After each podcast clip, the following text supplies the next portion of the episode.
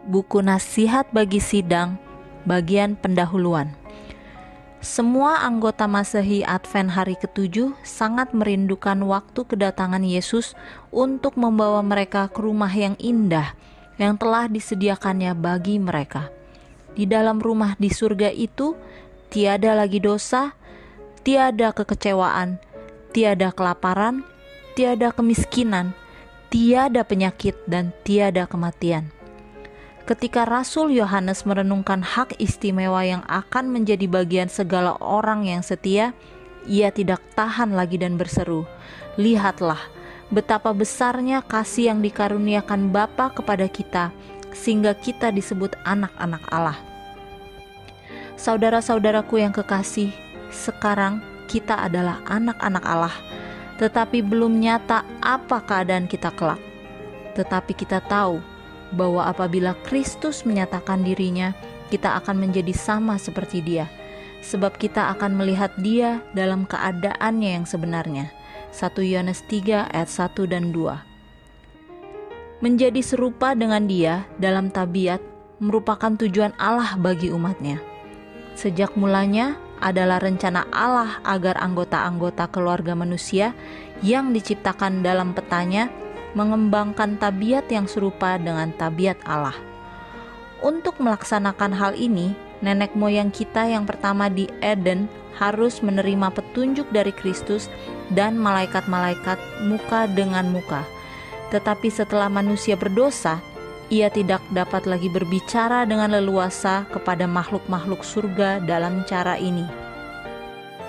Supaya manusia tidak ditinggalkan tanpa bimbingan, Allah memilih cara-cara lain untuk menyatakan kehendaknya kepada umatnya yang paling utama ialah melalui nabi-nabi, pria dan wanita yang telah menyampaikan kepada umat Allah pekabaran-pekabaran yang disampaikannya melalui mereka. Kepada Israel Allah menjelaskan, jika di antara kamu ada seorang nabi, maka aku Tuhan menyatakan diriku kepadanya dalam penglihatan. Aku berbicara dengan dia dalam mimpi. Bilangan 12 ayat 6. Adalah maksud Allah agar umatnya diberitahu dan diberi penerangan. Dengan mengetahui dan mengerti bukan saja masa yang dalamnya mereka hidup, tetapi juga apa yang masih akan datang. Sungguh, Tuhan Allah tidak berbuat sesuatu tanpa menyatakan keputusannya kepada hamba-hambanya para nabi. Amsal 3 ayat 7 Hal ini memberikan perbedaan yang mencolok antara umat Allah, anak-anak terang, 1 Tesalonika 5 ayat 5, dengan umat dunia ini. Pekerjaan nabi meliputi lebih daripada sekedar mengadakan ramalan untuk masa depan. Musa seorang nabi Allah yang menulis enam buku kitab suci, menulis sangat sedikit tentang apa yang akan terjadi pada masa yang akan datang. Pekerjaannya dilukiskan oleh Hosea dalam pengertiannya yang lebih luas. Ya, ia dijaga oleh seorang nabi. Hosea 12 ayat 14 Seorang nabi bukannya seorang yang diangkat oleh sesamanya manusia, ataupun seorang yang mengangkat dirinya sendiri, Pilihan seseorang menjadi nabi semata-mata ada dalam tangan Allah sendiri yang dapat melihat dan mengetahui hati manusia. Dalam sejarah umat Allah, pria dan wanita dari waktu ke waktu dipilih Allah untuk berbicara baginya. Nabi-nabi ini, pria dan wanita yang dipilih Allah sebagai saluran komunikasi, telah mengucapkan dan menuliskan apa yang telah dinyatakan Allah kepada mereka dalam khayal yang suci. Sabda Allah yang indah terdiri dari pekabaran-pekabaran mereka. Dengan perantaraan nabi-nabi ini, anggota-anggota keluarga manusia telah dituntun kepada suatu pengertian akan pertentangan yang terjadi bagi jiwa-jiwa manusia. Pertentangan antara Kristus dan malaikat-malaikatnya dengan setan dan malaikat-malaikatnya kita dituntun kepada suatu pengertian pertentangan ini pada masa berakhirnya sejarah dunia dan tentang ikhtiar yang disediakan Allah untuk memelihara pekerjaannya serta menyempurnakan tabiat anggota-anggota yang akan meliputi rombongan pria dan wanita yang sedang menunggu hendak berjumpa dengan Tuhan. Rasul-rasul, yakni penulis kitab suci yang terakhir, memberikan kepada kita suatu gambaran yang jelas tentang peristiwa-peristiwa akhir zaman. Paulus menulis tentang masa yang sukar, dan Petrus mengamarkan tentang adanya para pengolok yang melakukan dirinya menurut hawa nafsunya sendiri, sambil berkata, "Manakah kedatangannya yang dijanjikan itu?" Sidang dewasa ini berada dalam pertentangan karena Yohanes melihat setan yang pergi memerangi benih perempuan yang lagi tinggal. Para penulis kitab suci ini melihat bahwa adalah rencana Allah memberikan terang dan pertolongan khusus kepada umatnya sebelum Yesus datang. Paulus menegaskan bahwa sidang yang sedang menunggu kedatangan Kristus, gereja Advent, tidak kekurangan barang sesuatu karunia. 1 Korintus 1 ayat 7 dan 8. Sidang itu akan bersatu, matang, dikaruniai kepemimpinan yang baik serta karunia roh nubuat.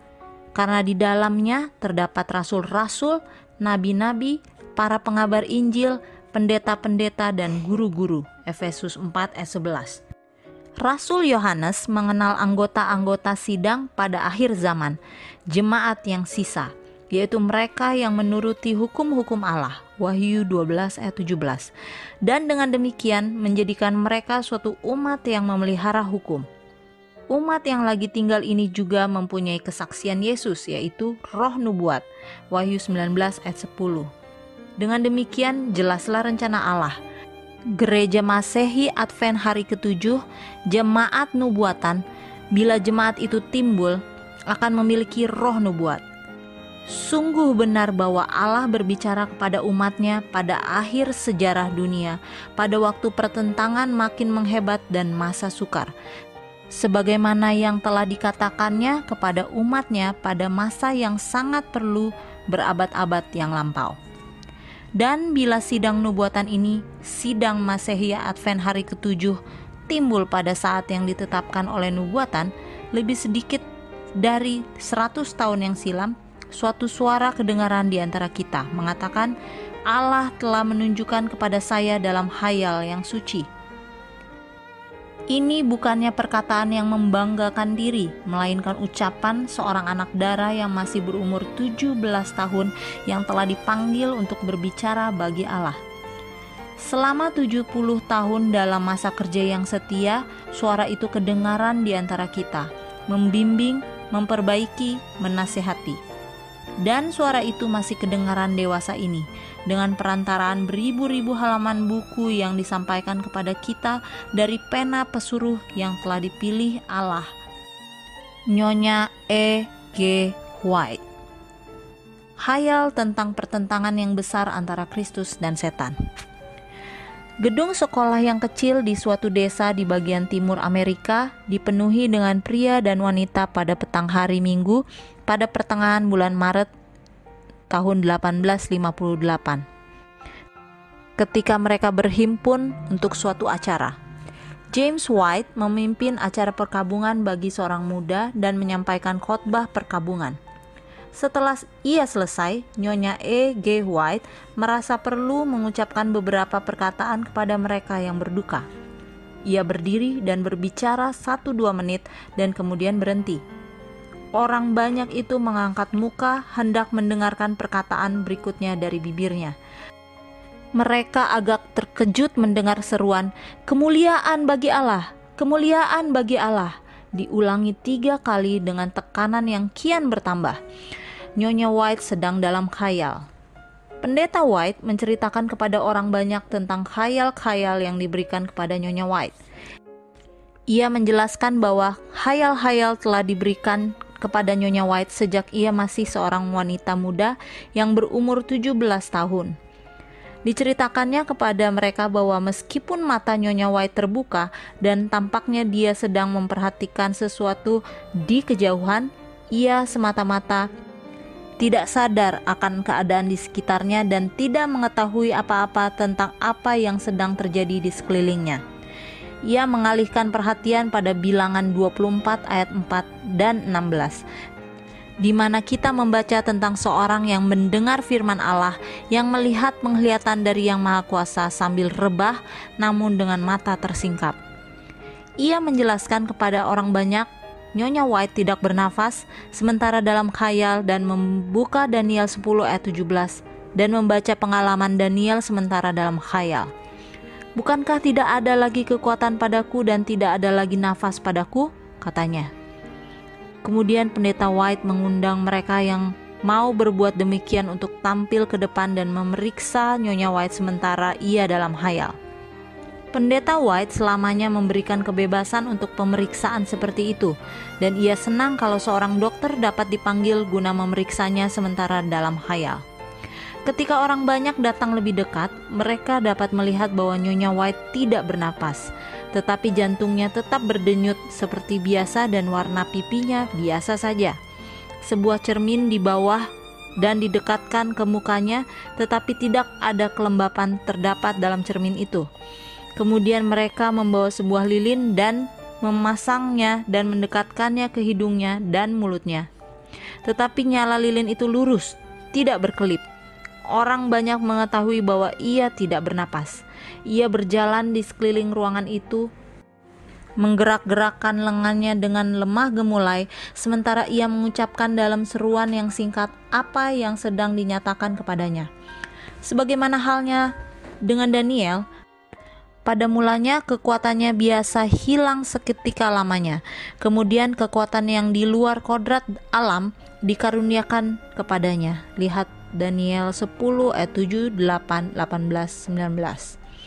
Selama dua jam, Nyonya White berada dalam khayal. Selama dua jam, dia tidak bernafas sedikit pun. Kemudian setelah berakhirnya khayal itu, ia menarik napas dalam-dalam, berhenti selama kira-kira semenit dan kemudian bernapas lagi dan tidak lama kemudian bernapas seperti biasa. Pada saat itu juga dia mulai mengetahui keadaan di sekitarnya, menyadari apa yang sedang terjadi di sekelilingnya. Seorang yang sering melihat Nyonya White dalam hayal, Nyonya Martha Amadon memberi penjelasan sebagai berikut. Dalam hayal matanya terbuka. Tidak ada nafas, tetapi bahu, lengan, tangan bergerak lemah gemulai, mengungkapkan apa yang dilihatnya. Tidak mungkin bagi seorang yang lain menggerakkan tangan atau lengannya. Ia sering mengucapkan perkataan satu persatu dan kadang-kadang kalimat-kalimat yang mengungkapkan kepada mereka yang di sekelilingnya sifat penglihatan yang sedang diperolehnya, baik di surga maupun bumi. Kata mula-mula dalam khayal ialah kemuliaan yang kedengaran dekat pada mulanya. Dan kemudian tampaknya kedengaran sayup-sayup di kejauhan ini kadang-kadang diulangi. Tidak ada keributan di antara mereka yang hadir selama ia dalam hayal. Tidak suatu pun menyebabkan ketakutan. Itulah suatu pemandangan yang penuh hikmat dan tenang. Bila hayal itu telah berakhir dan ia tidak lagi melihat terang surga, pada waktu ia datang kembali ke bumi, ia berseru dengan menarik nafas panjang-panjang. Ketika ia mulai lagi bernafas seperti biasa, gelap pada waktu itu lemah dan tidak bergaya. Tetapi kita harus kembali kepada cerita tentang hayal selama dua jam di gedung sekolah tadi. Tentang ini, Nyonya White kemudian menulis, Kebanyakan dari hal-hal yang telah saya lihat 10 tahun sebelumnya mengenai pertentangan yang besar berabad-abad lamanya antara Kristus dan setan diulangi dan saya diberi petunjuk untuk menulisnya. Dalam hayal itu nampaknya ia hadir menyaksikan peristiwa-peristiwa yang terjadi di hadapannya. Mula-mula kelihatan bahwa ia berada di surga dan ia menyaksikan dosa dan kejatuhan bintang kejora. Kemudian ia melihat penciptaan dunia dan melihat nenek moyang kita yang pertama di tempat kediaman mereka di Eden. Ia melihat mereka menyerah kepada penggodaan ular dan mereka diusir dari tempat kediaman mereka di hadapannya ia melihat pengalaman bapak-bapak dan nabi-nabi Israel. Kemudian ia menyaksikan kehidupan dan kematian juru selamat Yesus Kristus dan kenaikannya ke surga di tempat ia melayani sebagai imam besar sejak saat itu. Sesudah itu, ia melihat murid-murid pergi menyebarluaskan pekabaran Injil ke ujung bumi. Alangkah cepatnya hal ini diikuti dengan kemurtadan dan kemudian zaman kegelapan. Kemudian dia melihat dalam khayal adanya reformasi, ketika pria dan wanita yang mulia akhlaknya berdiri bagi kebenaran biarpun kehidupan mereka terancam bahaya. Ia dibawa kepada peristiwa hari penghukuman yang mulai di surga dalam tahun 1844. Kemudian sampai pada zaman kita dan ia dibawa ke masa depan dan melihat kedatangan Kristus di awan-awan di langit ia menyaksikan peristiwa seribu tahun dan bumi diperbarui. Dengan adanya gambaran yang jelas ini di hadapannya, Nyonya White sesudah kembali ke rumahnya mulai menulis apa yang telah dilihat dan didengarnya dalam khayal itu. Kira-kira enam bulan kemudian, suatu jilid kecil yang terdiri dari 219 halaman selesai dicetak yang berjudul The Great Controversy Between Christ and His Angels and Satan and His Angels. Buku kecil ini diterima dengan gembiranya karena digambarkannya dengan jelasnya pengalaman yang dihadapi oleh sidang dan membuka topeng rencana-rencana setan serta cara yang digunakannya dalam usahanya hendak menyesatkan sidang dan dunia dalam pertentangan terakhir di bumi ini. Orang-orang Advent sangat berterima kasih karena Allah sedang berbicara kepada mereka pada akhir zaman ini melalui roh nubuat sebagaimana yang telah dijanjikannya hendak dilakukannya. Uraian tentang pertentangan besar itu yang diceritakan dengan singkatnya dalam jilid Spiritual Gifts yang kecil ini dicetak kembali pada setengah bagian terakhir dari buku Early Writings dan terdapat dalam buku itu sekarang ini. Tetapi ketika sidang tumbuh dan masa berlalu, dalam banyak hayal berturut-turut Tuhan memaparkan cerita pertentangan yang besar itu lebih terinci. Dan Nyonya White menulisnya kembali antara tahun 1870 dan 1884. Dalam empat jilid yang disebut The Spirit of Prophecy, Buku Story of Redemption mengemukakan bagian-bagian yang lebih penting dari cerita pertentangan yang besar itu yang diambil dari buku-buku ini. Jilid yang diterbitkan dalam banyak bahasa membawa kepada banyak orang apa yang ditunjukkan dalam hayal-hayal pertentangan yang besar ini. Juga Nyonya White kemudian dalam lima jilid Conflicts of the Ages series, Patriarch and Prophets, Prophets and Kings, The Desire of Ages, The Acts of the Apostles, dan The Great Controversy mengemukakan pertentangan yang besar itu sampai seluk-beluknya. Buku-buku ini sejajar dengan uraian kitab suci dari penciptaan sampai dengan masa Kristen dan membawa cerita itu sampai kepada akhir masa, memberikan terang besar dan keberanian. Inilah buku-buku yang menolong menjadikan Masehi Advent hari ketujuh anak-anak terang dan anak-anak siang hari. Kita melihat dalam pengalaman ini kegenapan jaminan. Sungguh, Tuhan Allah tidak berbuat sesuatu tanpa menyatakan keputusannya kepada hamba-hambanya, para nabi. Amsal 3 ayat 7 ketika menulis tentang bagaimana terang itu datang kepadanya yang telah dikemukakannya dalam buku-buku ini yang meliputi cerita pertentangan yang besar itu, Nyonyo White mengatakan, oleh penerangan roh suci, pertentangan yang berlarut-larut antara baik dan yang jahat telah dipaparkan kepada penulis buku ini. Dari waktu ke waktu saya telah diperkenankan memandang dalam berbagai zaman jalannya pertentangan antara Kristus, putra kehidupan, sumber keselamatan, dan setan, putra kejahatan, sumber dosa, pelanggar hukum Allah yang suci yang mula-mula sekali.